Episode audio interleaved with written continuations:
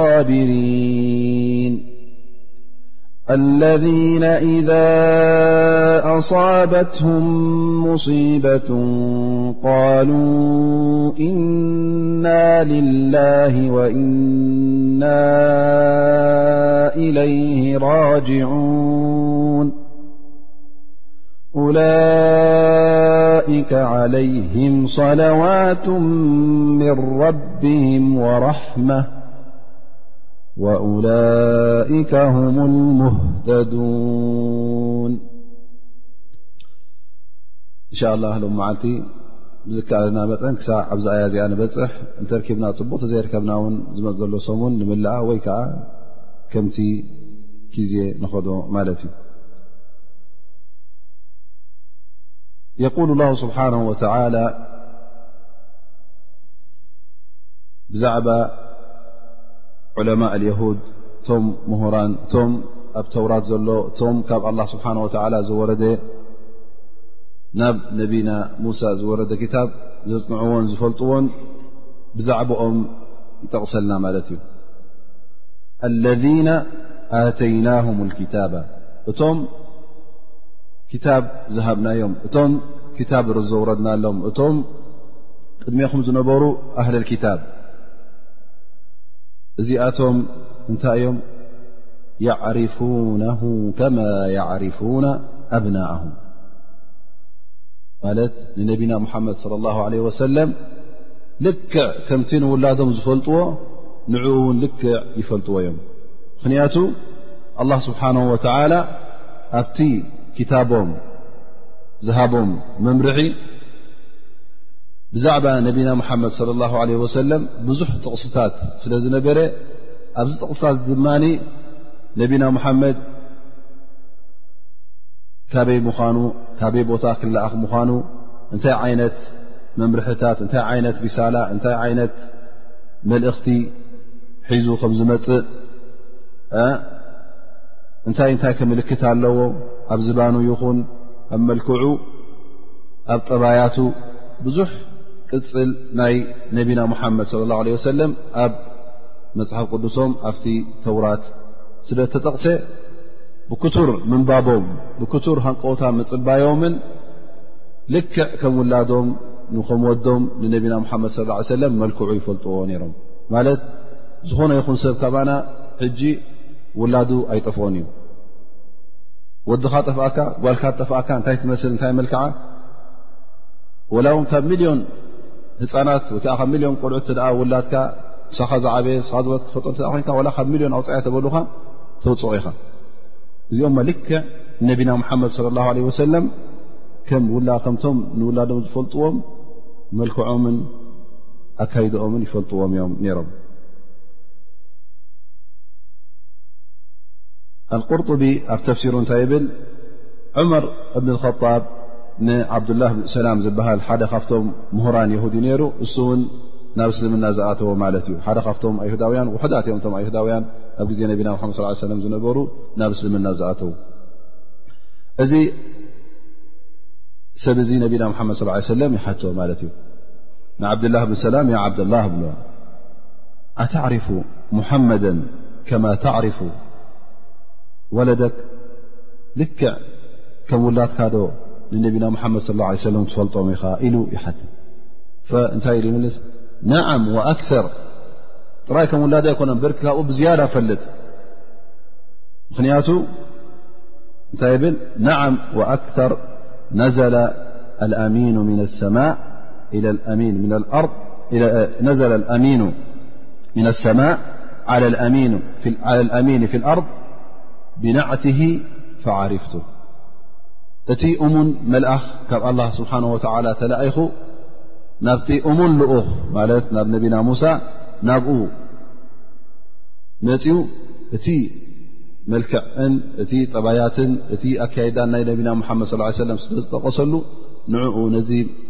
ሲፋ ወይ ከዓ ነዚ ንዓት እዚ ፈሊጠ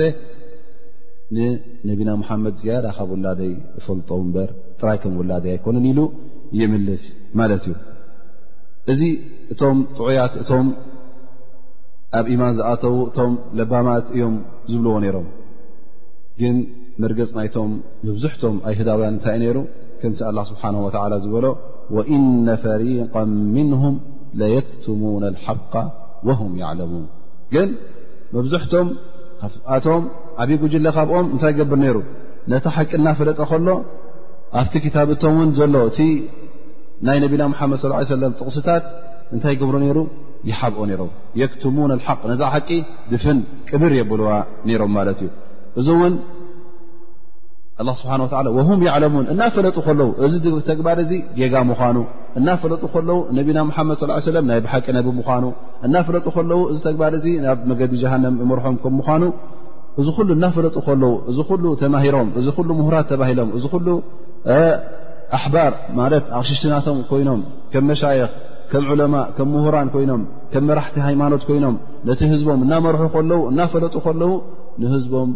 ናብ ይምርሖ ማለት እዩ ናብ ፀድፊ ይመርሖም ለየክትሙን ልሓቅ ነዚ ሓቂ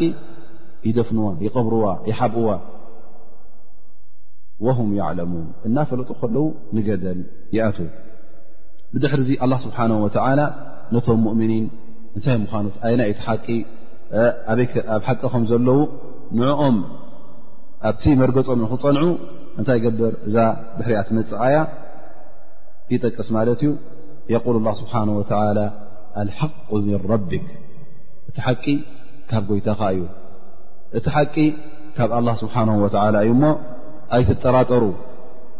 እዚ ሒዝኩሞ ዘለኹም መገዲ መገዲ ሓቂ እዩ ወላ እውን እቶም ኣህሊ ክታብ ቅድሚ ሕጂ ክታብ ኣለዎም ኢልኩም ተኽብርዎም ነርኩም ኣህሊ ዲን ካብ ሰማይ ዝወረደ ክታብ ኣለዎም ኢልኩም ብኡ ውርያት ይንበሩ ዳኣ እንበር ግን ነዚ ሓቂ ስለ ዝሽፍንዋ ዘለዉ እቲ ሓቂ ስለ ዝሓብዋ ዘለዉ ሕጂ እቲ ሓቂ ምሳኹም እያ ዘላ እቲ ነቢኹም መሓመድ ለ ላ ለ ሰለም ሒዝዎ መፅኡ ዘሎ ሓቂ እዩ ኣይትጠራጠሩ እዚ ነቢ እዚ እውን ናይ ብሓቂ ነቢ እዩ ካብ ኣላ ስብሓን ወተላ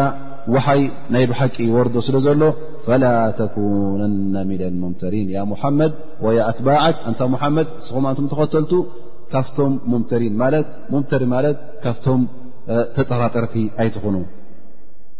ካብቶም ሸክ ዘለዎም ኣይትኹኑ ኣይትጠራጠሩ እንታይ ደኣ ፅንዑ ቀጢልኩም ኢማንኩም ሓልዉ ኢማንኩም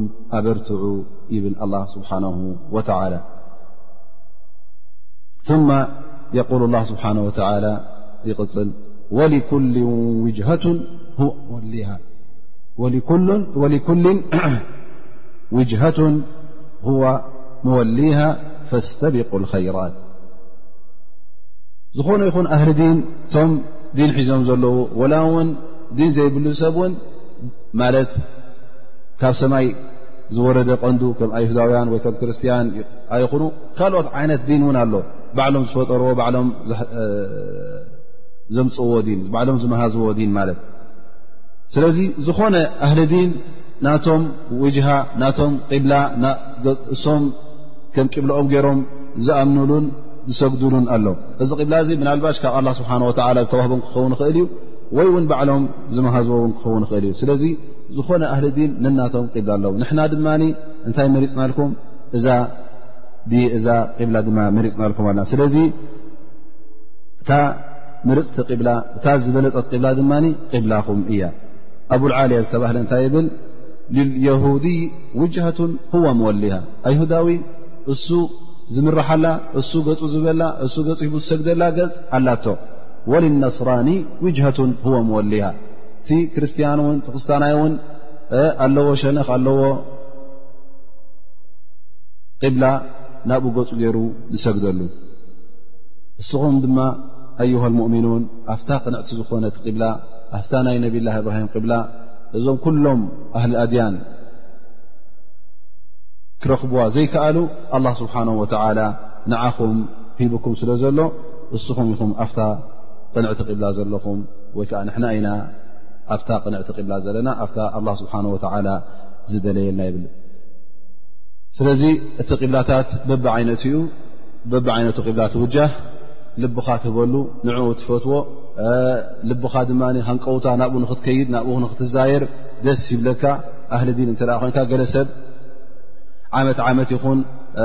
ኣብ ዝጠዓሞ ንመካ ንመካ ጥራይ ይብል ገለገለ ሰብ ድማ ካልእ ቅላ ዘለዎ ኣይሰእንን እዩ ምክንያቱ እታ ተፍቅራን እታ ትፈትዋን ቦታ ኩሉ ግዜ እሳ እያ ትስሕበካ እስኻ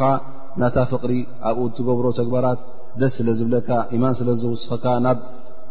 ደረጃ ናብ ኣላ ስብሓን ወተላ ስለ ዝውስኸካ ናብኡ ትጓየ ናብኡ ዞክዞክ ትብል እቶም ካልኦት ድማ ነናብ ቅብላኦም ይኾኑ ቅብላኦም ውን ሓደሓደ ግዜ ገንዘብ ክኸውን ይኽእል እዩ ቅብላኦም ውን ሓደሓደ ግዜ ሃገር ክኸውን ይኽእል እዩ ቂብላኦም ሓሓደ ግዜ እውን ካልእ ነገራት ክኸውን ይኽእል እዩ እስኻ ኸ እንታይ እያታ ቂብላኻ ኣበይቲ ከልብኻ ነየን እያ ትፈት ወጅኻ ናበይ እኻ ትገብር ኩሉ ግዜ ሃንቀውታኻን ፅምእኻን ናበይ እዩ ዘሎ ናፍታ ቤይቱላ ድዩስ ወይስ ናብ ኣዱንያ ጥራይ እዩ ዘሎ ስለዚ እታ ሙእምን እንተ ደኣ ኮንካ ከልብኻን ተሃንቀውታኻን ኩሉ ግዜ ናብ ቤይትላ ስብሓን ወተላ እያ ወሊኩልን ውጅሃቱን ሁወ መወሊሃ ፈስተቢቁ ልኸይራት ስለዚ ኣንቱ ሙእምኒን ናፍቲ ኸይራት ዝኾነ ካብቲ ሰናያት ዝኾነ ናብኡ ደኣ ተጓየዩ ናብኡ ተቐዳደሙ ኣላ ስብሓን ወተላ ኩሉ ር ዘበለ ዘብኡ ነገር ሓቢሩኩም እዩ ኣርእኩም እዩ እንታይ እንታይ ምኳኑ እውን ነጊርኩም እዩ እሞ ኣይትዘንግዑ እንታይ ደኣ ተጓየ ኣይትሕመቕ ፅባሕ የርክበሉ እየ ንዓመት ኣይርክበሉ እየ ለብዘበን ሓጅ ሓሊፋኒ ድሓኒ ንዓመት ኣንደ የለን ወይ ብ ድሕሪኦ ዓመት ኣሎ ኣይትበል ለብዘበን ሰደቃ ኣይሃብኩን ድሓኒ ንዓመታ ድሕሪኡ ህብ ናበልካ ኣይተደናግ እንታይ ደኣ ፈስተቢቁ ኸይራት ንእቲ ር ንክትረኽቡስ ተጓየዩ ተቀዳደሙ ድሕር ኣይትበሉ ደው ኣይትበል ኣይትዘንግዕ ዝሕጥሐጥ ኣይትበል እንታይ ኣ ስተብቅ ሙሳበቃ ጉየ ተቀዳደም ማለት እዩ ትር እተ ኮንካ ንር ኩሉ ግዜ ደድሕሪኡ ዞክዞክ ክትብል ደድሕሪኡ ክትጎይና ኣለካ ኣ እበር ካብኡ ክትርሕቕ የብልካ ኣ ስብሓ ወ ር ግበሩ ጥራይ የበለካ እዎ ር ግበር ግን ነዚ ር ትገብር ከለካ ውን እስትባቕ ተቐዳደም ኣነ ክሓልፎም ኣለ ንበል ብሕልፊ ከምቲ ኣብ ሸሪዓና ብዛዕባ ዲን እተ ኮይኑ ኩሉ ግዜ ኣነ ክበልፅ ኣለኒ ክትብል ኣለካ ብዛዕባ ዲን ምስ ዲን ተኣሳሰር እተ ኮይኑ ኣብ ሰላት ኮይኑ ኣብ ስያም ኮይኑ ኣብ ዘካት ኮይኑ ኣብ ስጁድካ ኮይኑ ኣብ ሰደቃኻ ኮይኑ ኩሉ ኣብ ፅቡቕ ዘረባ ኮይኑ ኣብ ኩሉ ረቢ ኮታ ዝፈትዎ ቀዳማይ ክትከውን ኣለካ ኣብ ናይ ኣዱንያ ኣየገድስን እዩ ኩሉ ግዜ ኣብ ናይ ኣራ ኣብ ናይ ዲን ክኸውን ከሎ ነቲ ካባኻ ዝበልፅ ንዑ ክትጥምት ኣነስ መዓስ የርክቦ መዓስ ይሓልፎ ትብል ኣለካ ትወዳደር ኣለካ ነቲ ድሕሪት ክትጥምት የብልካ ኣልሓምዱላ ክንደይ እ ሰብ ኣለዉ ጥፉኣት ሰኽራናት ኣብ እንዳ መስተ ዝውዕሉ ኣብ እንዳ ከምዚ ዝውዕሉ ንሕና ግዲ ኣልሓምዱላ ተን ሓሙሽተ ፍርድና ከቲትና ፅቡቕ ኣለና ኢልካ ኣብታ ዘለኻያ እሳተኣኽለና ኢልካ ደው ክትብል የብልካ መብዙሕቲ ሰብ ከምኡ ግብል ሓደ ካባና ዝኸፍኡ እንደ ኣለዉን ይብል ሕጂ ኣነ ሓይሽ ኢሉ እታ ዘለኹዋ ይብል መሓለክሲር እሳ ዘለዋ ስታንድባይ ንቕድሚት የለን ናይ ኣዱንያ ክትከውን ከላ ግን ኩሉ ግዜ ናበይ ገፁ የተኩር በዓል ክስቶ ድሕሬና መፅኦም ስዑድያ እንታይ ትመስል ቪላ ስሪሖም በዓል ክስቶ ድሕሬና ትመፅእ እንታይ ትመስል ማኪና ኣጥርዮም በዓል ክስቶ ከምዚ ኢሉ ናበይ ይጥምት ንቕድሚት ነቲ ድሕሪ ዘሎ ይጥምቶን እዩ ክጎይ ትረኽቦ ማለት እዩ እዚ ግን ጌጋ እዩ እስላማይ ናይ ብሓቂ ኢማን እንተ ኣለካ ኮይኑ ጉዳይ ኣኼራን ጉዳይ ዲንን ክኸውን ከሎ ነቲ ቅድሚኻ ዘሎ ናጠመትካ መዓስ የርክቦ መዓስ ይሓልፎ ክትብል ኣለካ ነቲ ድሕሬኻ ድማ ዘሎ ረቢ የህድዮ እናበልካ ዱዓ ትገብረሉ ዳኣ እምበር ኣነ ካብኡ ሓይሽ እናበልካ ፍታ ዘለካዮ ደዋይ ትበል ናይ ኣዱንያ ክኸውን ከሎ ግን ነቲ ድሕሬኻ ዘሎ ርእ ኣልሓምዱሌላ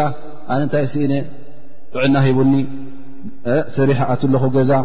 ክንደይ ሰብ ኣለዉ ዋላ እውን ገንዘብ ተሃቦም ረቢ ጥዕና ዝሰኣኑ ጥዕና እተረኸበ ገንዘብ ዝሰኣነ ብዙሓ ኣነ ግን ኣልሓምዱሌላ ምስ ውላደይ ምስ ደቀይ ምስ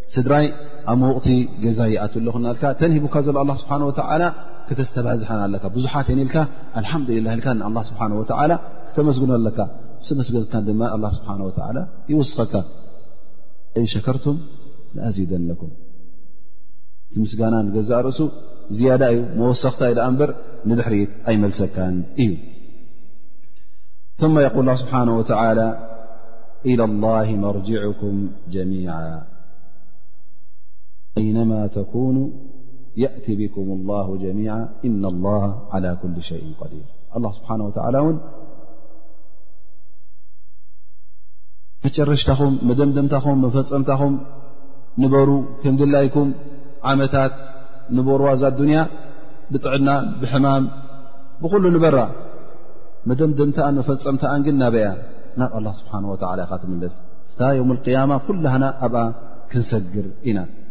ካብ ኣላ ስብሓን ወተላ እውን ኣይክንሕባኣ ኢና ኣበይ ከይረኽበኒ ኣነ ኣብ ባሕሪ ክጠልቕ እየ ወይ ከዓ ኣብ ርሑቕ ቦታ ክመውት እየ ወይ ከዓ ነፍሰይ ከንድዳ እየ ወይ ከዓ ከምዚ ልካ እዚታት ኩሉ ይጠቅምን እዩ ፈልጥዋ ትኾኑ እታ ታሪክ ናይቲ በኒ እስራኤል ዝነበረ ካብቶም ናይ ቀዳሞት ነቢና ሓመድ ስ ለ ሰለ ን ዝጠቀስዋ እዚ ሰብ እዚ ብዙሕ ጌጋታት ስለ ዝነበሮ ብዙሕ ማዕስያ ስለ ዝነበሮ እንታይ ገብር ወስያ ይዋሰ ማለት እዩ ኣብ መጨረሻ ክዋሰ ከሎ እንታይ ይብል ነቶም ደቁ ሕጂ ትሪእም ኣለኹም እዞም ደቀይ ኣነ መዓልቲ ሞት ቀሪቡኒ ኣነ ድማ ቅድሚ ሕጂ ሰናይ ዝገበርኩ ብዙሕ ስለ ዘየለ ብዙሕ ጌጋታት ዝፍፅም ነረ ንብዙሕ ሰብ ወፅዐ ንብዙሕ ሰብ ዓሚፀ እሞ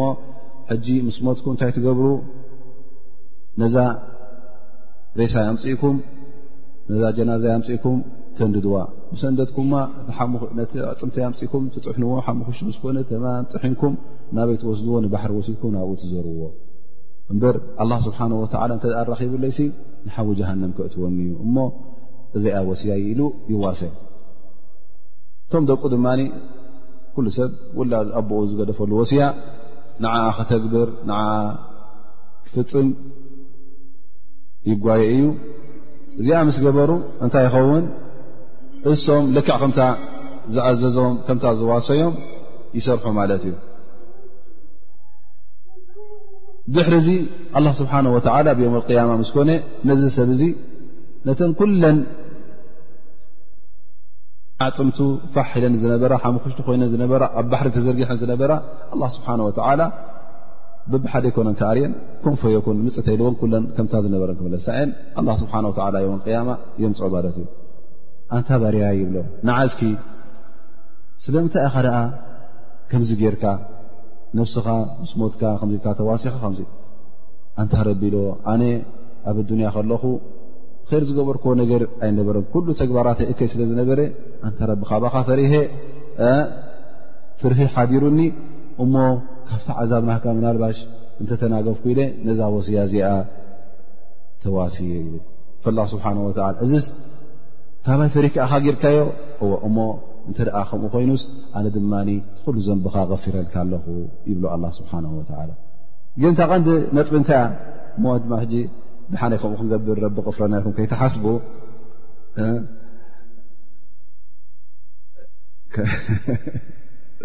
እዚኣ ፅቡቅ ም መቋረጫ እታይ ኣለዋ ሓደ ምስ ሞትካ እንታይ ከይፍለጠካ ጣሓኑና ዝረውና ኢልካ ከይትዛረብ እዚኣ ኣብ ሽርዒ የላ ዓላ ኩሉ ሓል ግን እንታይ ተርእካ ዘላ ዒብራ እያ ማለት እዩ እዛ ደርስ ማለት ካ ትወስድ ዘለካ መለበሚ ክትኮነካ ማለት እዩ እታ ቀንዲ ደርሲ ክንወስዳ ደለናስ ኣላ ስብሓን ወተዓላ ኣይነማ ተኮኑ ኣብ ዘለካ ኣሊኻ ኣላ ስብሓን ወተዓላ ከምፅኣካ እዩ ኩላና ትር የብልናን ዓብ ምስ ንእሽተይ ሰብ ምስጋኒኑ ዘሎ ኩሉ ኣላ ስብሓን ወተላ እና ላ ዓላ ኩል ሸይን ቀዲር ኣላ ስብሓን ወተላ ክኢላ እዩ ኩሉ ነገር ክገብር እምብዛ ክኢላ እዩ ብጣዕሚ ክኢላ እዩ ንዕኡ ዘርክብ የለን ስለዚ ኣላ ስብሓን ወተላ ንዕኡ ዝኸብዶ ጉዳይ የለን እታ ጉዳይ ኩላ ኩን ፈየኩን እያ ክትከውን እያ እታ ዝደልያ እውን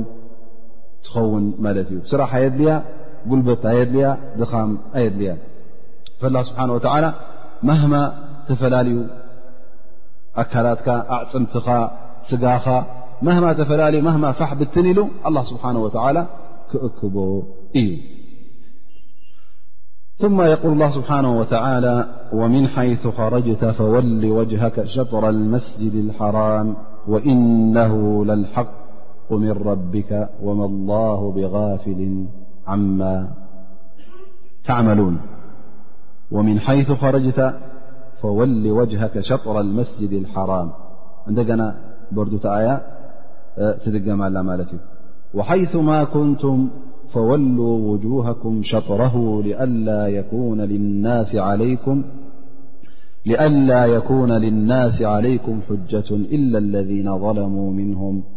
فلا تخشوهم واخشوني ولأتم نعمتي عليكم ولعلكم تهتدون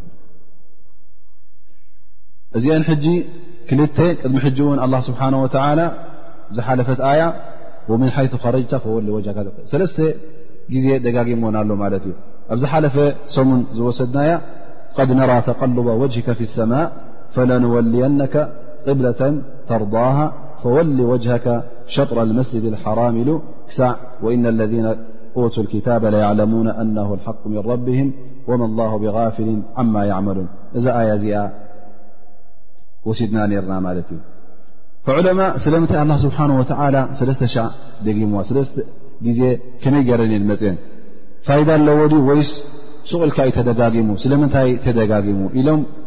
ነዚ ነገር እዚ ክፍስሩን ክትንትኑ ከለዉ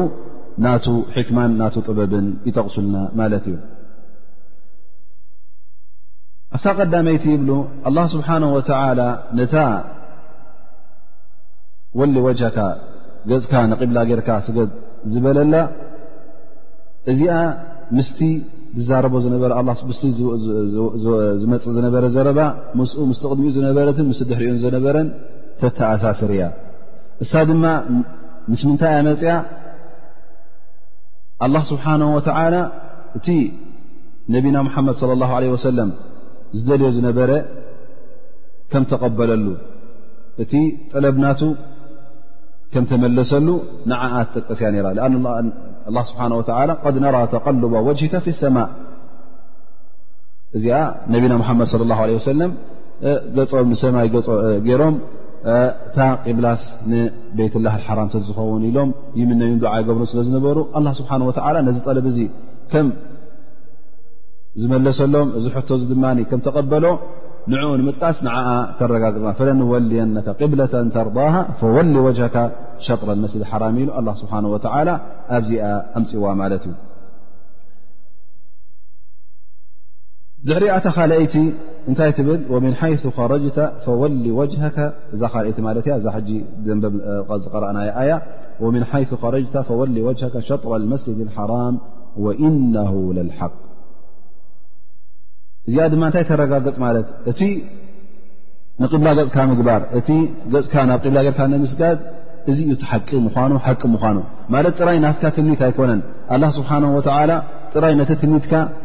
ነቲ ሪዳኻ ንዕኡ ንምምላእ ጥራይ ኣይኮነን ናብኡ ገጽካ ግበር ኢሉካ እንታይ ደኣ እዚ ነገር እዚስ ሓቂ እዩ እቲ እስኻ ዝጠለብካዮን እቲ እስኻ ዝሓተትካዮን ሓቂ እዩ ነይሩ ምስዚ ሓቂ ተሰማምዐ ስለ ዝኾነ ሕጂ እቲ ጉዳይ ጥራይ ናትካ ድልት ኣይኮነን ናትካ ትምኒት ኣይኮነን ነይሩ እንታይ ደኣ ሓቂ እዩ ነይሩ ሓቂ ስለ ዝኾነ ኢና ናብኡ እውን ገጽካ ጌርናዮ ስለዚ እቲ ደረጃ ሕጂ ናይቲ ናብ ቤይትላህ ንካዕባ ጌርካ ገፅካ ንምግባር ደረጅኡ ይልዕል ኣሎ ማለት እዩ ጥራይ ድልትና ን ግን ድልት ናይ ኣላ ስብሓን ወላ እውን እዩ እዚ ጉዳይ እዚ ሓቂ ስለ ዝኾነ ኢሉ ኣላ ስብሓን ወላ ኣብዛ ካልኣይቲ እውን ተጠቒሳ ማለት እዩ ኣብ ሳልሰይቲ ከ ስለምንታይ ተጠቒሳ ሳልሰይቲ ድማ ምስኣ ተመኣሳሰረት ሕክማ ኣላ ማለት እዩ ምስ ዝመፀት ናታ ጥበብ ትነግር ኣላ እሳ ድማ د بل الله سبحانه وتعالى فولوا وجوهكم شطره لئلا يكون للناس عليكم حجة إلا الذين ظرموا من ዚ دمن مكةعيد تخون م أيهدوين ين م مشركين نع عل و ك مكعيد ከም መማጎቲ ገይሮም ዘቕርቦ ዝነበሩ ዘረባ ንዕኡ ንምቕላዕ ማለት እዩ ንምዕኡ ንምብታኽ እዚ መጎተ እዚ ቅኑዕ ከም ዘይምዃኑ እዚ መጎተ እዚ ክፈርስ ከም ዘለዎ ፍሩስ ከም ምዃኑ ንምግላፅ ማለት እዩ ምኽንያቱ የሁድ እንታይ ኢሎም የሕተጁ ነይሮም ካኑ የሕተጁነ ብእስትቅባል ረሱል ኢላ ቅብለትህም ምናልባሽ ኣብቲ ክታቦም ከምቲ ኣብ ዝሓለፈ ሰሙን ዝብልናዮ ኣብቲ ክታቦም እንታይ ነይሩ ነቢ ሙሓመድ ስ ሰለም ምስ መፀ ወይ ከዓ ነ ናይ ኣክር ኣንብያ ምስ መፀ ካብቲ ጥቕስታት ዝመፀ ቂብላኦም ሲ ንመካ ከም ምኳኑ ዝገልፅ ኣሎ ቂብላ ናይዛ እመት ሙሓመድ እመት እስላም ንመካ ከም ምኳኑ እዚ ስለ ዘለዎም እሞ እንተ ያ ሙሓመድ ገጽካ ጌና እተ ንቤትላ ንቤት መቅድስ እተ ቀጺሉ ምናልባሽ ቶም ኣይሁዳውያን ከም መካትዒ ከም ሑጃ ረኺቦም ንስኻስ ኣብቲ ክታብና ዘለካ ኣይኮንካን ምኽንያቱ ኣብቲ ክታብና ዘሎ ነብ ዝመፅእ ቅብልኡ ንቤትላ ሓራም ንመካ እዩ ንኸይብልካ እዚ ነገር እዚ ንክነፍርስ ኢልና ኢና እዚ ጉዳይ ገርና ከምኡ ውን እቶም ሙሽርኪን ዓረብ እውን እንታይ የብሉ ነይሮም ነብላ እብራሂም ዝነደቃ ካዕባ እሳ እታ ዝበለጸት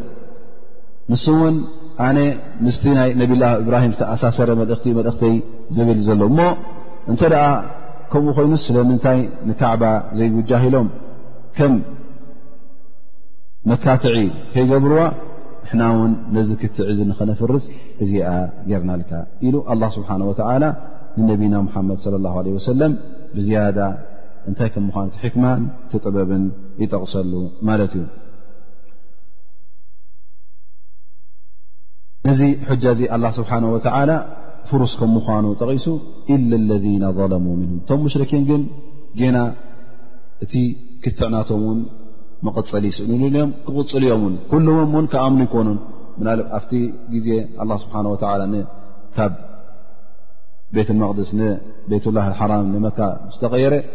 ኩሎም ዓረብ ኣይኮኑ ኣሚኖም ገና ካብኦም ውን ዛልም ወይ ከዓ ገና ኣብቲ ሽርክ ዝቐፀለ ውን ነይሩ እሶም እንታይ ኣም ነይሮም ሓንቲ መካትዒት ዝነበረቶም እሶም ውን እዚ ሰብ እዚ እንተ ደኣ ኣነ ዓላዲን እብራሂም እየ ዝብል ነይሩ ኮይኑ ማለት ነቢና ሙሓመድ ለ ላ ለ ወሰለም እንተ ደኣ እታ መጀመርያ ተወጀሃ ውጅሃ ዓላዲን እብራሂም እናበለ ከሎ እሞ ገፁ ንቤትላህ ሓራም ማለት ገፁ ንቤት መቅድስ ገይሩ ክሰግድ እተ ነይሩ ኮይኑስ እሱ እቲ ዲን እብራሂም እተ ኮይኑስ ስለምንታይ ደኣ ሕጂ ቀይሩ ስለምንታይ ደኣ ሕጂ ቀይሩ እሞ ኣብቲ ዲን ሚለት እብራሂም ኣይነበረን ማለት እዩ ወይ ከዓ ሚለት እብራሂም ኣይኮነትን ማለት እዩ ሚለት እብራሂም ንካዕባ እያ ነይራ ማለት ኢሎም ሕጂ ገና እንደገና ከጠራጥሩን ንህዝቢ ኣብ ልቦም እቲ ኢማኖም ከዛሕትብሎምን ይፍትኑ ማለት እዩ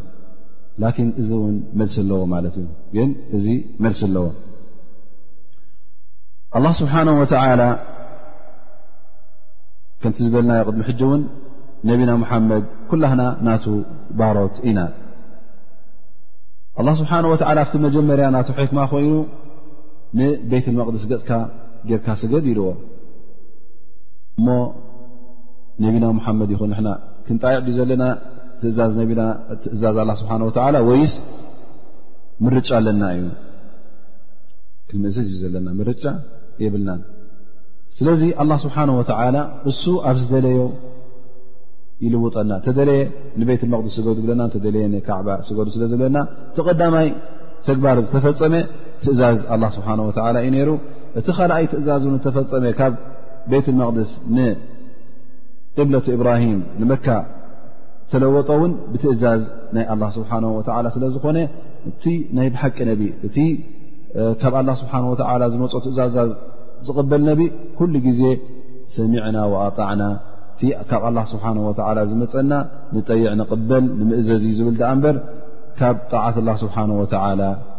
ኣይወፅእን እዩ ወላ ውን ንሓንቲ ደቂቕ ትኹን ወላ ውን ሓንቲ ሰከንድ ክወፅእ ውን የብሉን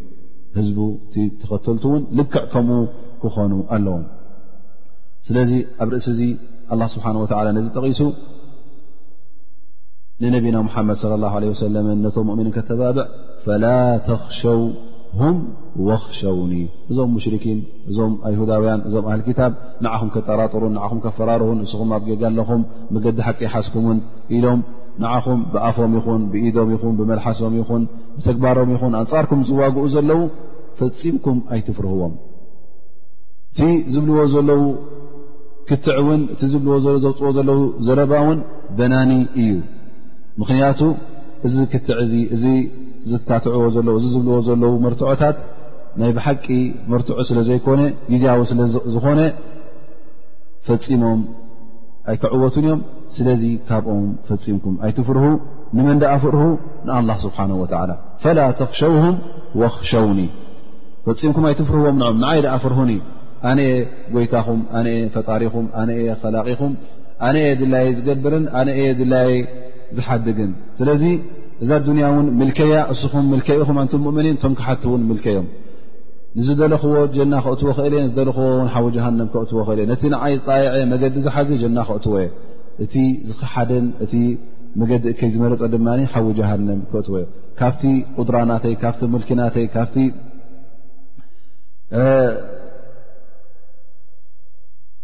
ዝኸለቕክዎ ኩሉ ኣዱንያን ናይ ኣኼራን ካብኡ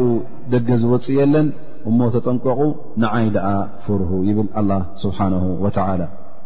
ከምኡ ውን ካልኣይ ዒላ ወይ ከዓ ካልኣይ ሕክማ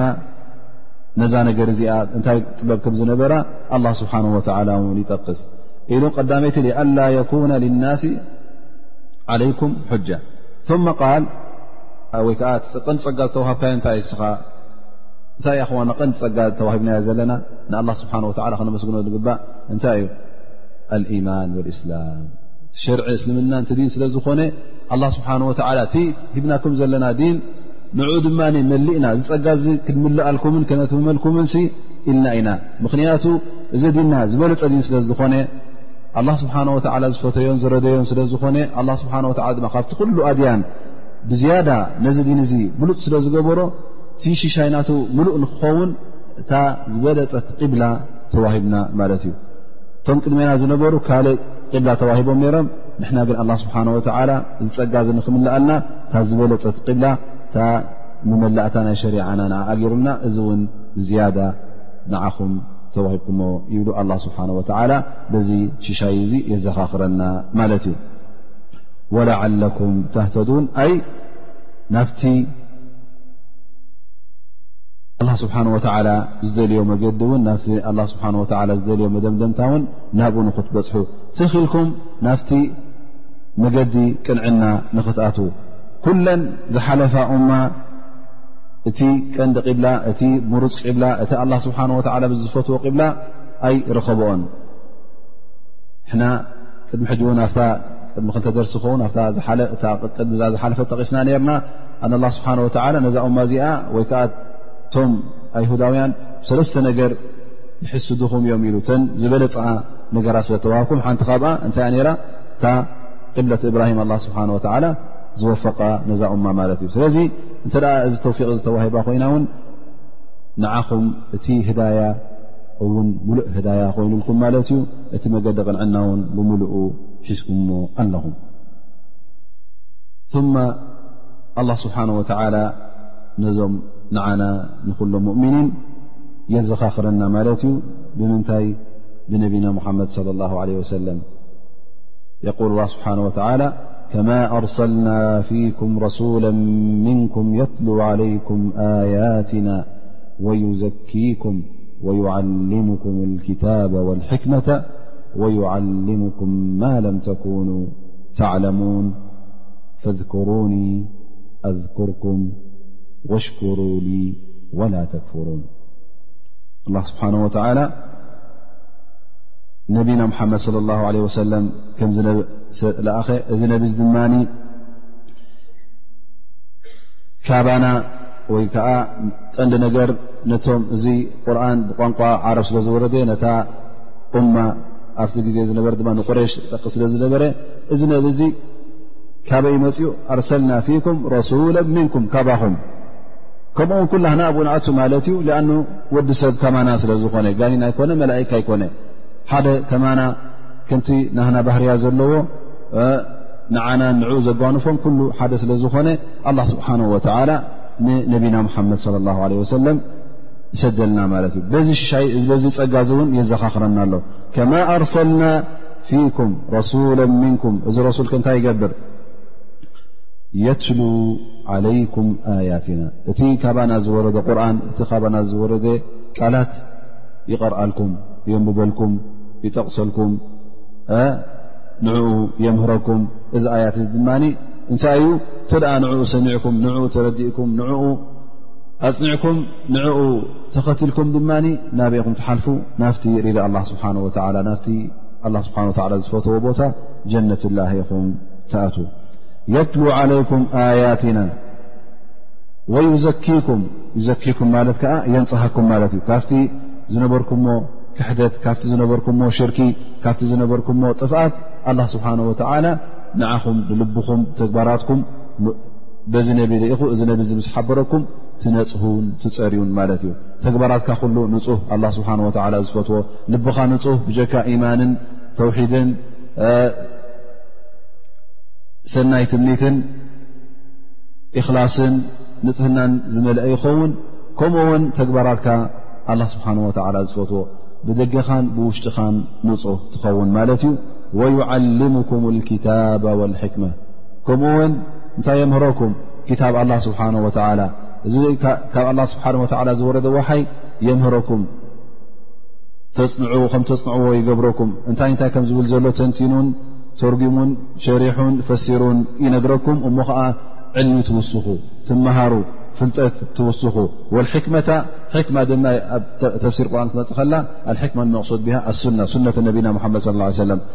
ኣብ ርእሲኡ ድማ ካልኣይ ዋሓይ ስለ ዘሎ እቲ ክታብ ኣላ ስብሓን ወተላ ብዋሓይ ዝወረደ ማለት እዩ ቃሉን ፅሑፉን ኩሉ ብኣላ ስብሓን ወላ ዝወረደ ካልኣይ ዋሓይ ድማ ኣሎ እቲ ሱና ነቢና ሓመድ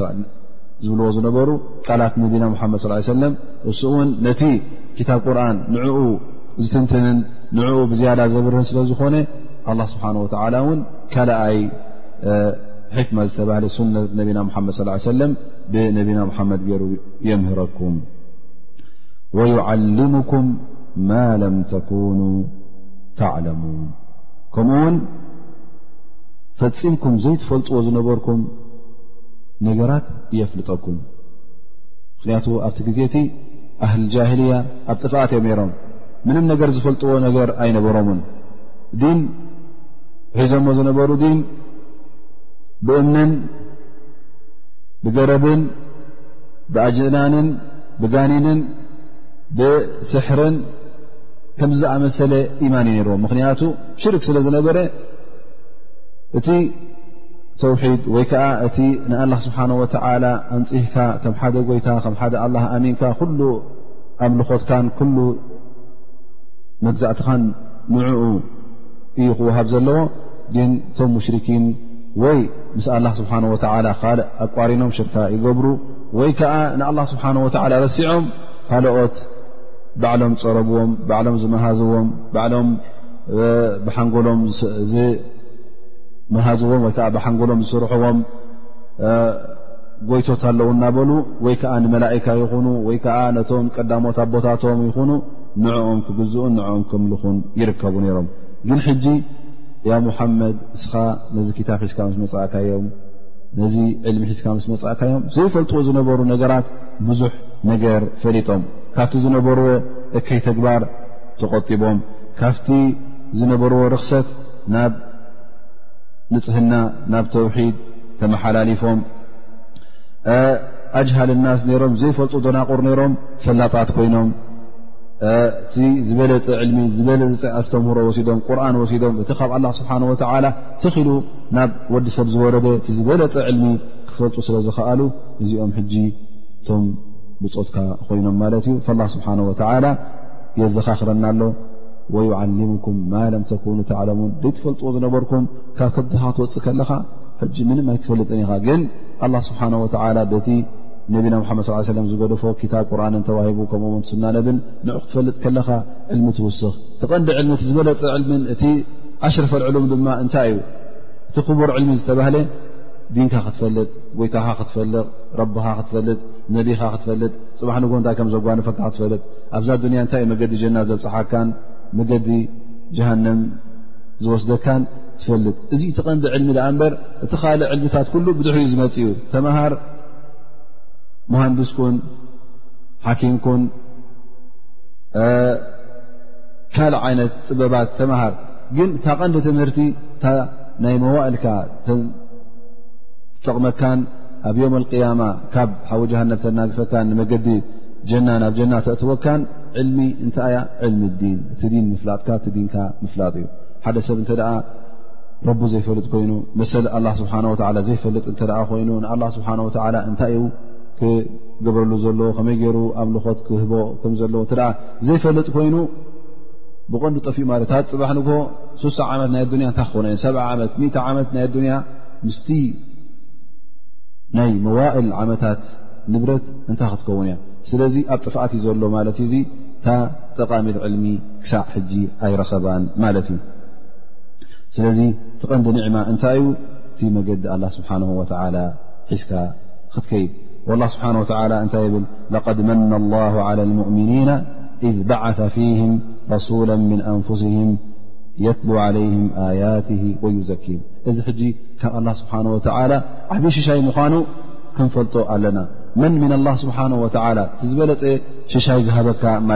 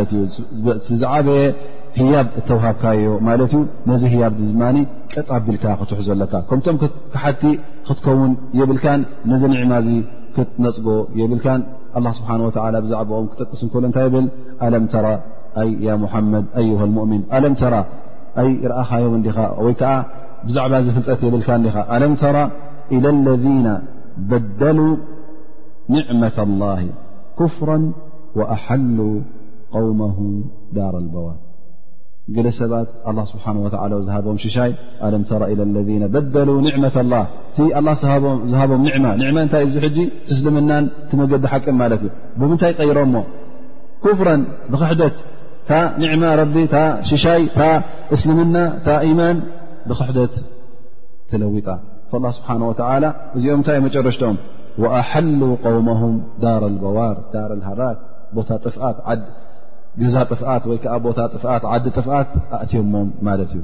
ኣ ናበይ ሒዞሞም ኸዱ ኣለዉ ካብቲ ሽሻይ ኣላ ስብሓ ላ ውፅኦም ክሕደት ስለ ዝሓዙ መጨረሽትኦም ሓዊ ጀሃንም ስለ ዝኾነ ኣብቲ ናይ ጥፍኣት ቦታ ሒዞሞም ይኸዱ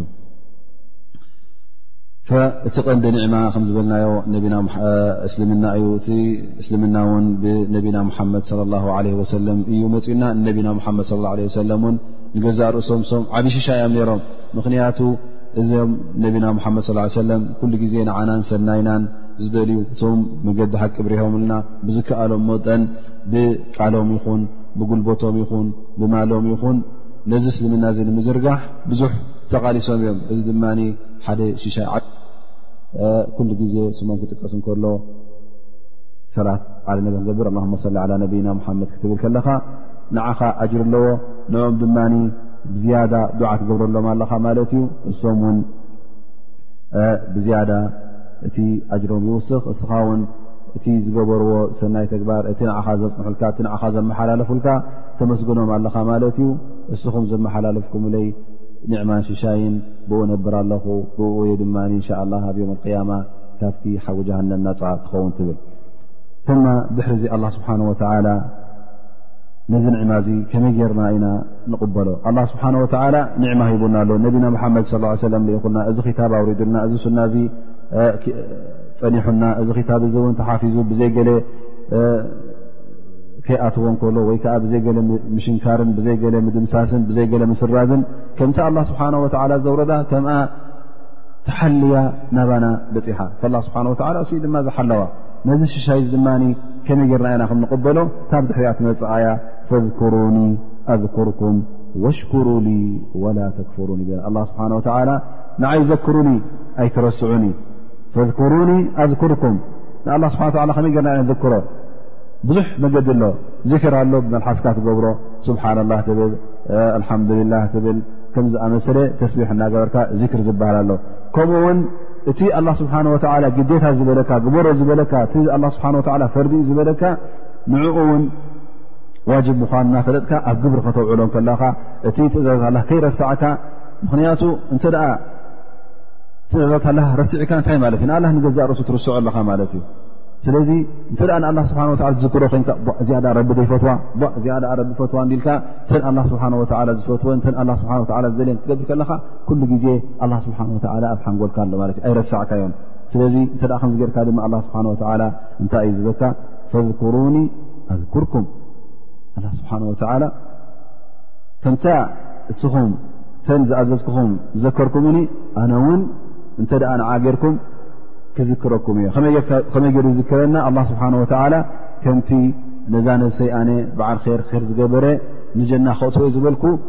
ከምኣ ገይሩ ድማ ዝዝክረኩም እዚ ር ገብር ኣሎ ን ር ክገብር ተሪእኻ እታ ዝሃብኩኻ ዋዕዲ እታ ዝሃብኩኻ ውዕል እውን ይዝክር እታ ንዓነ ውን ግዴታ ንጀና ክእትወካ ከም ምዃነ ኣይርስዕን ኢሉ ኣላ ስብሓን ወተላ ንዓኻ ውን ኣህሊ ጀና ምዃንካ ኩሉ ግዜ የዝክረካ ማለት እዩ ኣላ ስብሓን ወተላ ኣብ ብዙ እዚ ዝክር ላ ማለት እዩ ንኣላ ክትዝክር ከለኻ ኣላ ብወገኑ ውን ከም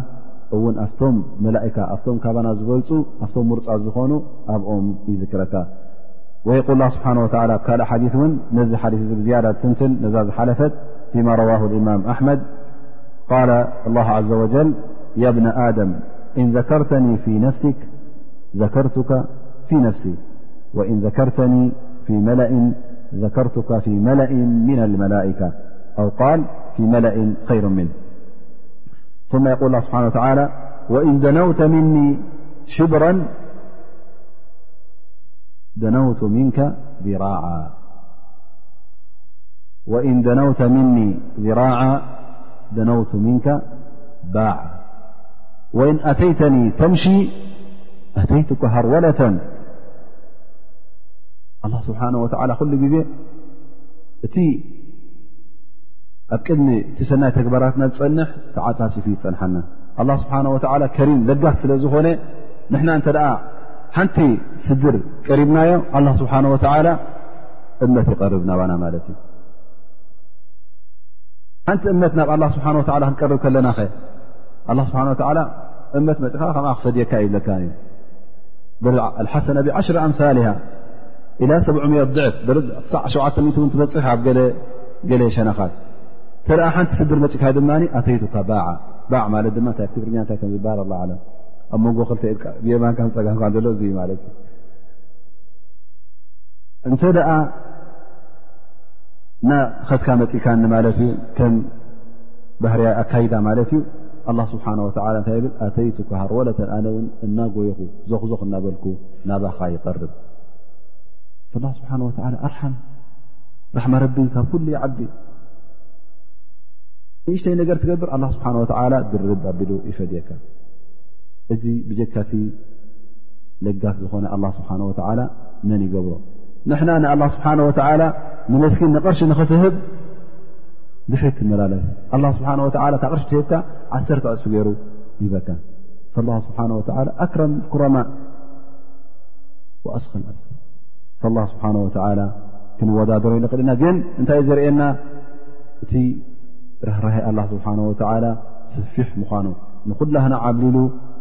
ከም ዝሽፍነና ንኹላህና ዓብሊሉ ኣብ ትሕቲኡ ከም ዘእትወና ንኸይርስዕ ማለት እዩ ስለዚ ንኣላ ስብሓን ወተዓላ ንዘክሮ ከምኡ ውን ከማ ቃላ ወሽኩሩ ሊ ወላ ተክፍሩ ኣመስግኑን እውን ኣይተኽሓዱኒ ንዓይ ኣመስግኑ ኣይተኽሓዱ ኣላ ስብሓን ወተዓላ ዝሃበኩም ሽሻይ ኣልሓምዱሊላ ኢልኩም ተቐበልዎ ኩላ ናብ ሽሻ ኢና ዘለና ዋላ ሓሚምካ እተለኻ ዋላ ድኻ እንተለኻ ኣብ ሽሻ ኢኻ ዘለኻ ብዙሕ ሽሻ እዩ ዘሎ ካብኡ ዝኽፍእ ስለ ዘሎ ኣልሓምዱላ ክትብል ኣለካ እበር እቲ ኣላ ስብሓን ወላ ዝሃበና ኩላና ሽሻ ክንቁፅሮ እተ ኮይና ዝቁፅር ኣይኮነን ወይ ተዕዱ ኒዕመት ላ ላትሕሱ ራይታ ነብስኻ ክንደይ ኒዕማ ከም ዘለዋ እተ ቆፂርካ ትውዳእውን ኣይትእል ነኻ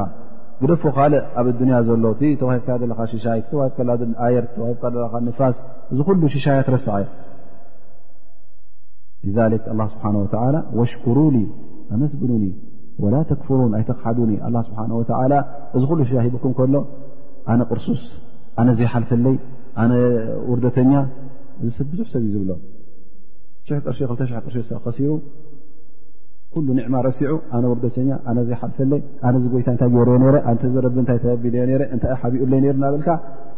ትዛረብ እዚ ኩሉ ኣክዋና ሓሓደ ግዜ መልሓስካ ትብሎ ደርጋ ካብ ዲን የውፃካ ማለት እዩ ኣላ ስብሓን ታላ ዝቀደሮ እዎ ምቁቁርብ ትሓዝን ትኸውን ግን እዕትራድ ክትገብር የብልካ ትቃወም የብልካ ፈፂምካ ኣልሓምዱላ ናይ ረቢ ኢልካ ትቕበሎ ግን ፍርህ ኣሎ ወይከዓ ዝኾነ ሓዘን ወርድ ክትሓዘን ገለ ሽግር ተወሪዱካ ትሓዘን ኢኻ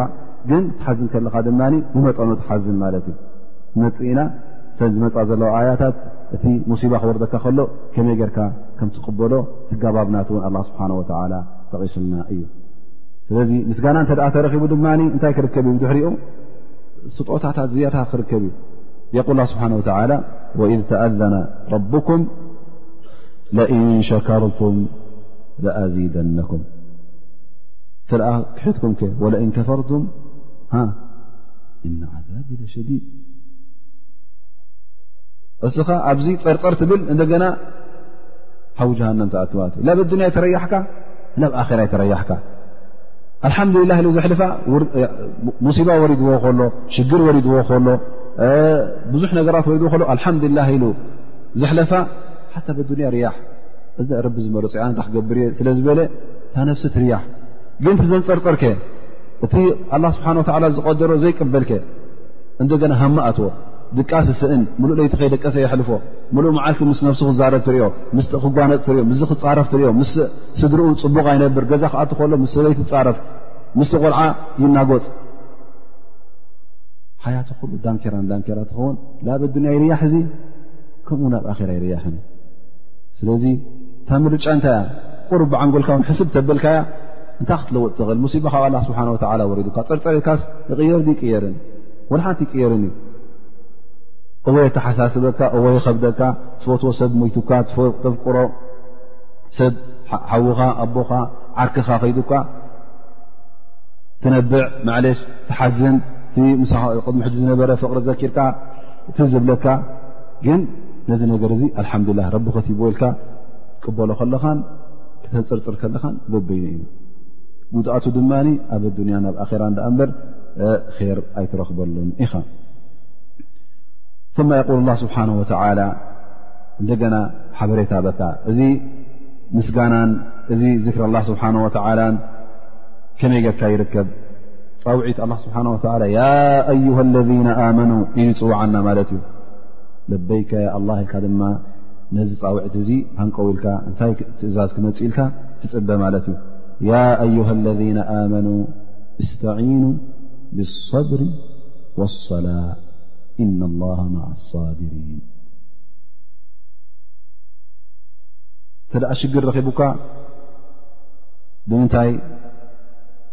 ዝገጥሞ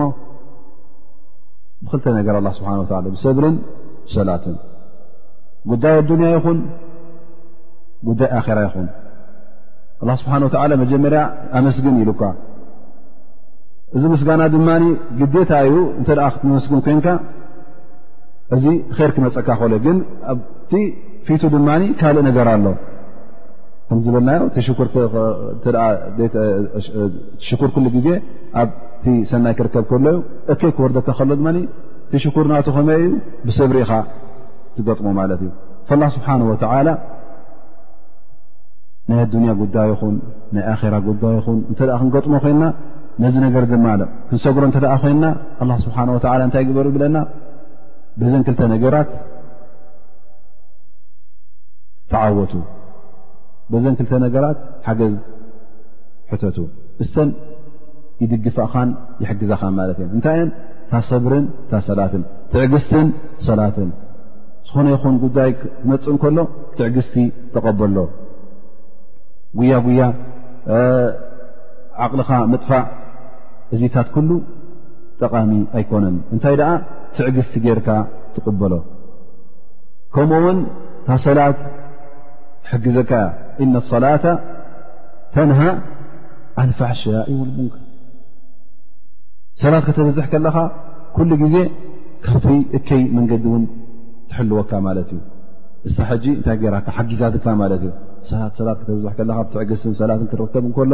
እቲ እከይ ነገር ዝነበረ እቲ ሙንከር ትገብሮ ዝነበርካ እውን እቲ ፋዕሻ ትረቢ ዘይፈትዎ ነገር እሱ እውን ይርሕቕ ካባኻ ማለት እዩ እዚ ሕጂ እንተ ሓደ ሰብ ምና ኣለና ዘይጋገ የለን ዘንቢ ዘይገብር የለን ኩላና ክሉቓት ኢና ኣ ስብሓ ወላ ከሊቑና ንጋገ ኢና ግን እንተ ነፍስኻ ትጋገር ኢኻያ ጌጋ ተብዛሕ እንተ ርኢኻያ ዘንብታት ተብዝሕ እንተ ርኢኻያ ናበይ ትሃድም ናብ ሰላት ሰላት ሌል ዘይሰግድ ርካ ሰላት ሌል ግብር ሱና እተ ተውሕድ ኣለካ ሱናታት ኣብዝሕ ኣብቲ ፈርድኻ ውን ፅቡቕ ጌርካ ስገድ ኣቃልቦኻ ኣብ ሰላት ይኹን እዚ እንታይ ክገብረካ እዩ እቲ ፋሓሻ እቲ ጌጋታት ትገብሩ ዘለኻ ብሓደ ወገን ነቲ እከይ እውን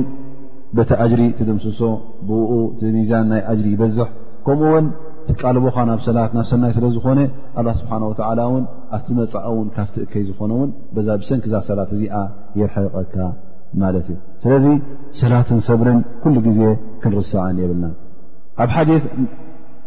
ነቢ صለ ላه ለ ወሰለም የል ዓጀበ ልሙእምን ነቢ ስ ሰለም የተዓጀብ ይግርም እዩ ገዛእ ርእሱ ነቢና ሓመድ ስ ሰለም ጉዳይ ሙእምን እኮ ዘገርም እዩ ዘገርም እዩ ነቢና ሓመድ ስ ሰለም ኣብ ቅድሚቶም ብፆቶም ይዛረብ ማለት እዩ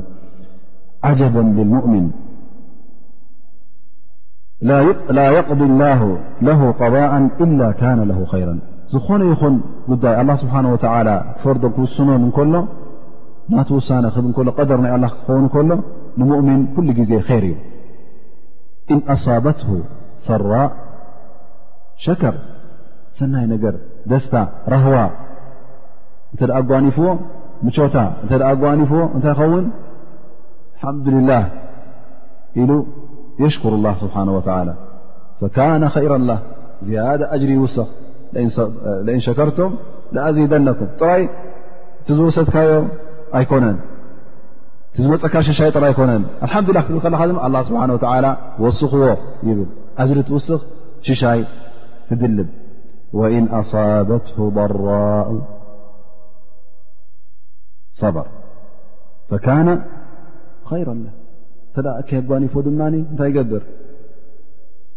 ሰብሪ ገይሩ ትዕግስቲ ገይሩ ይቕበሎ እዚ ድማ ር ይኾኖ ከምቲ ዝበልናዮ ኣብ ኣዱንያ እቲ ዳንኬራ ዝኾነ ንብረት ይረሕቀሉ ኣብ ኣራ ድማ ኣጅሪ ይረክብ ክልውጦ ድማ ኣይክእልን እዩ ወላ ውን ፃርፃር ይበር ወላ ውን ይዕገርግር ወላ ውን ድላ ይግበር ዳኣ እንበር ከርክበሉ ስለ ዘይክእል ኩሉ ክሳራ እዩ ዝገብር ዘሎ ሞ እታ ሰብሪ ትሕሾ እንሻ ላ ዘረባና ድሕሪ ኣዛን ን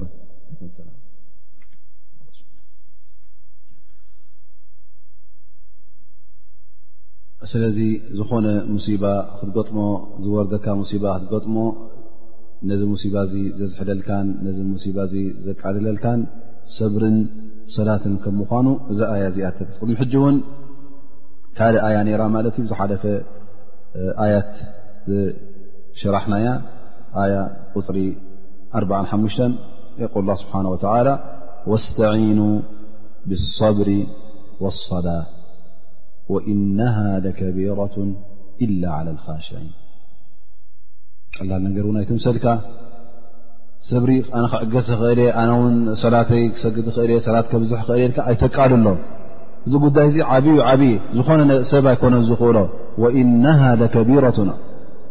ብጣዕሚ ከባድ እያ ብጣዕሚ ገዛፍ እያ ብጣዕሚ ዓባያ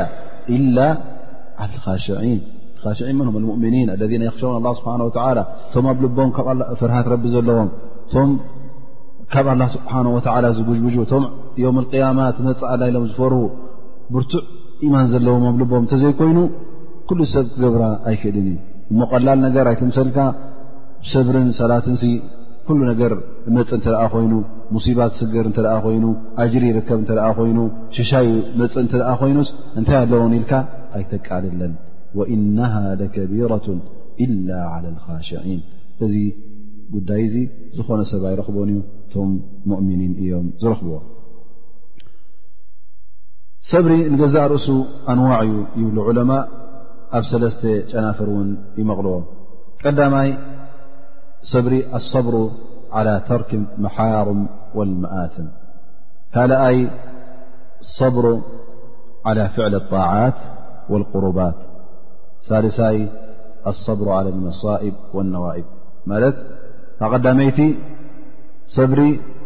እቲ الله سبحانه وتعلى حرم زبل ዘنبلዎ ዝبለك نع ختገدف كلኻ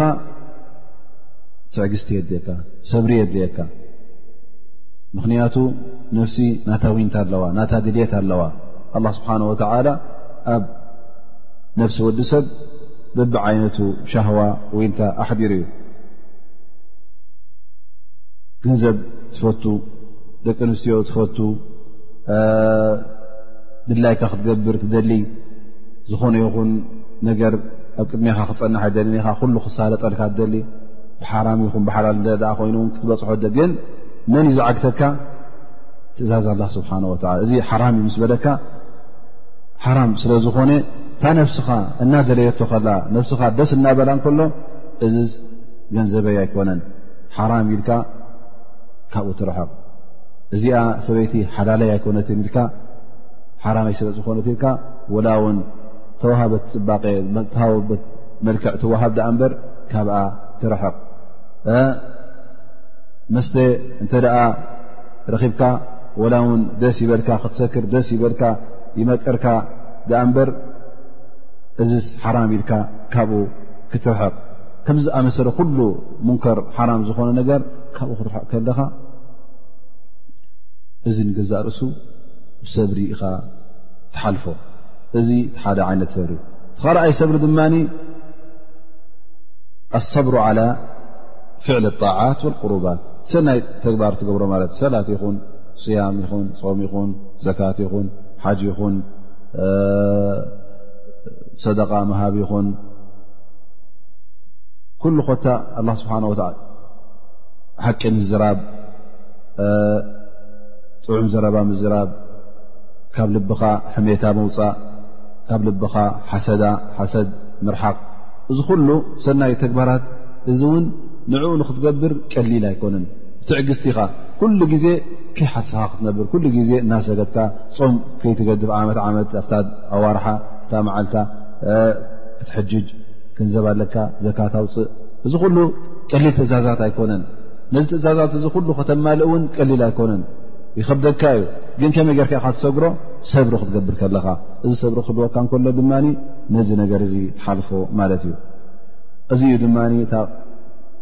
ካብታ ቀዳመይቲ እዚኣ ታ ዝበለፀት ይብሉ እቶም ዑለማ እቲ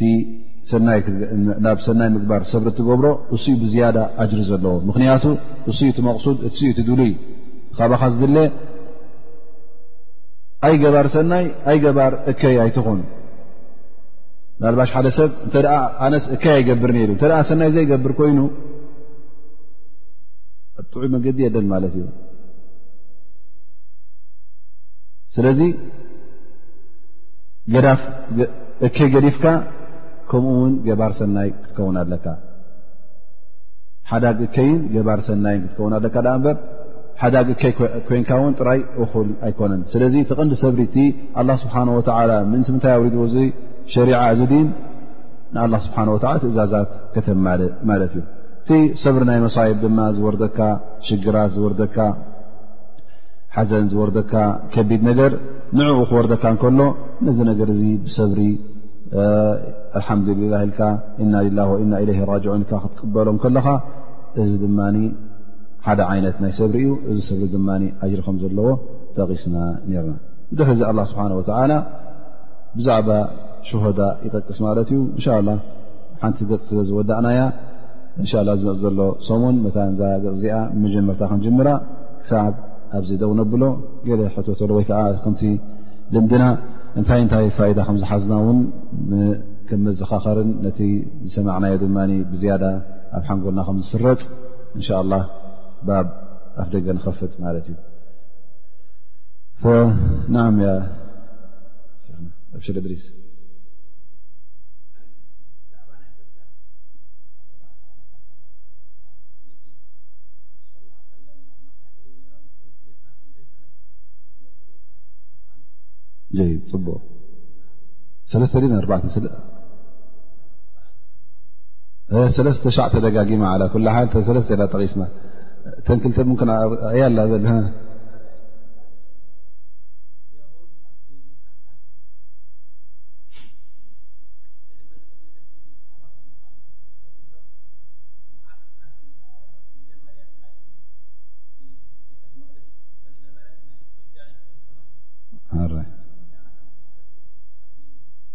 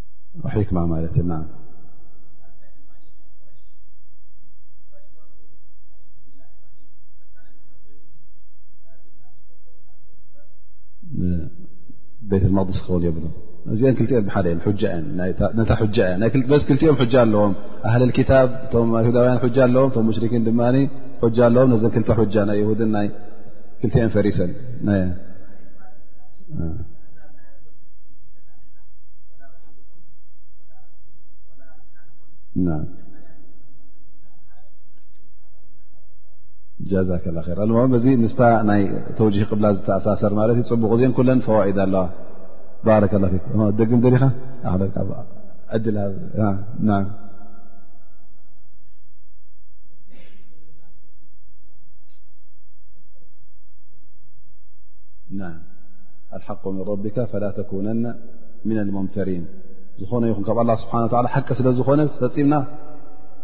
ጥርጥር ክሕዘና የብሉ ክንጠራጠር የብልና ጥርጥር ተኣትዩና ሽግር እዩ ማለት እዩ ቲ ኢማን ክበርር እዩ ማለት እዩ ክነፍር እዩ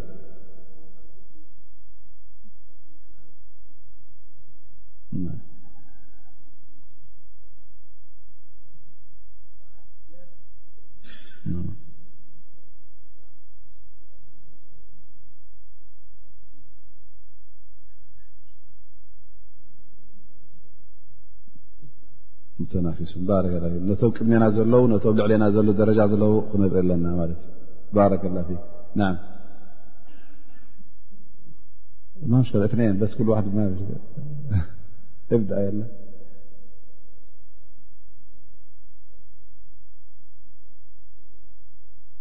ጀይድ ካብቲ ሓደ ዝፈለጥናዮ ሎም መዓልቲ እቶም ኣህል ክታብ ነቢና መሓመድ ስ ሰለ ኣጥቢቆም ፈልጥዎ ነሮም ልክዕ ከም ውላዶም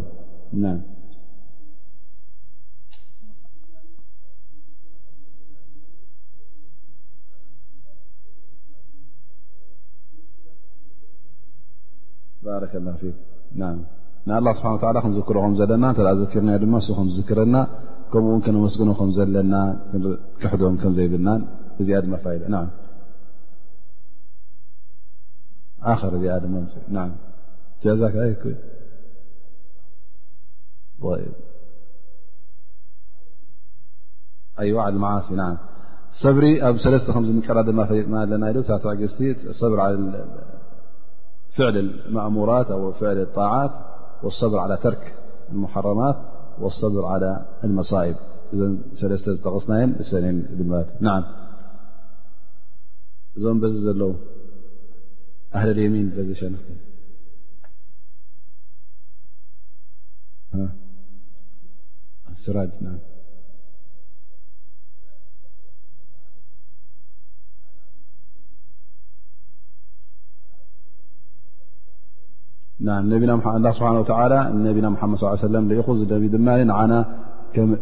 ኣምሂሩን ንዓና ኣንፅሁን ንዓና ድማ መገዲ ሓቂ ርእዩ እቲ ቅድሚ ሕጂ ዘይንፈልጦ ዝነበርና ነገር ወዩዓሊሙኩም ማ ለም ተኩኑ ተዕለሙን ዘይትፈልጦ ዝነበርካ እቲ ቀንዲ ፍልጠትን ቀንዲ ዕልምን ከም ዝሃበና እዚ ድማ ዝያዳ ሒዝና ኣለና ና እዞም ድሕሪ ዘለ ስከ ዕድል ክንቦም ሓደ ጥራዮም ናይ ኣክዋና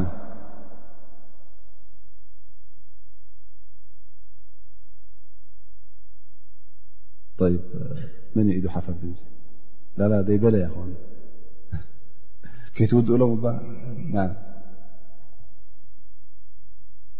كتدقلتاحزنا ياخوانا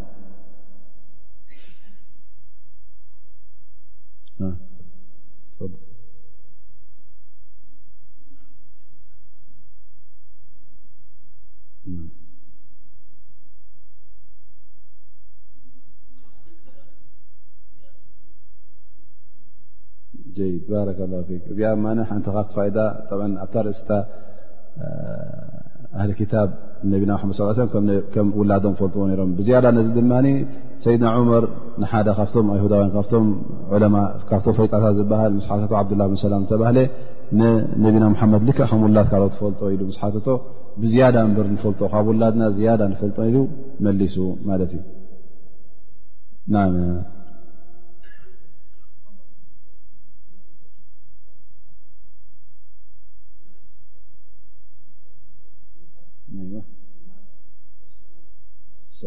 ባረከላ ፊክ ዝኾነ ይኹን ጉዳይ እንተ ደኣ ክንሰግሮ ኮይንና ብምንታይ ኣብ ክንዲ ነፀርፅር ብምንታይ ክንቃወሙ ኣለና ብምንታይ ክንቅበሎ ኣለና በቲ ሰብርን ብሰላትን ጣኢማን ጠብዓ ቀንዲኣ ዳእማ ተዘየለ ላ ሰብሪ የለ ላ ሰላት የለ እዘን ተን ክልተ ብሕግዛና ዝኽእላ ካብዚ ሽግር ዚ ከውፃእና ዝኽእላ እንታይ እየን ሰላትን ብሰብርን ክንገጥሞ ኣለና ባረከ ላ ና እዞም ዘይብሉ ና ይ ትፈ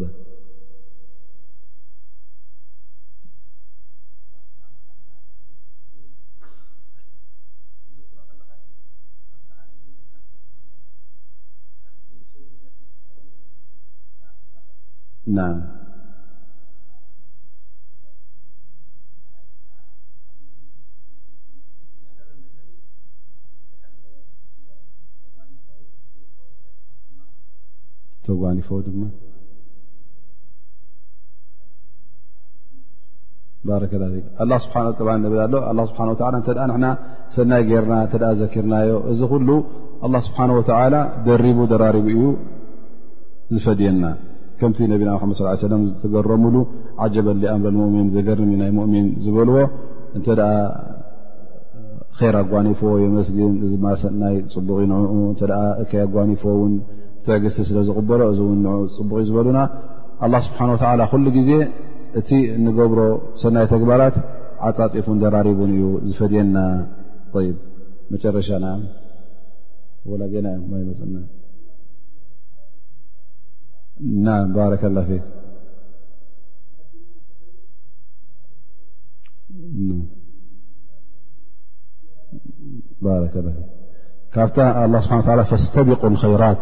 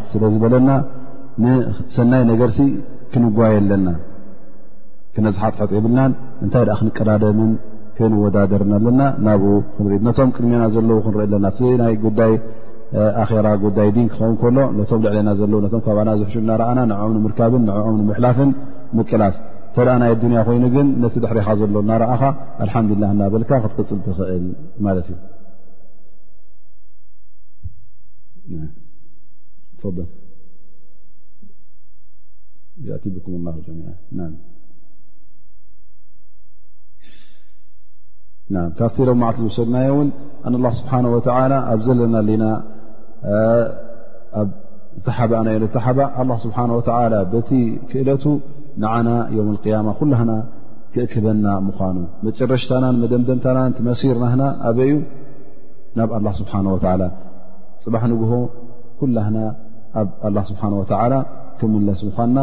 እዚኣ ጠቂስና ርና እዚኣ እውን ሎ መዓልቲ ዝሓዝናዮ ፋይዳ ማለት ና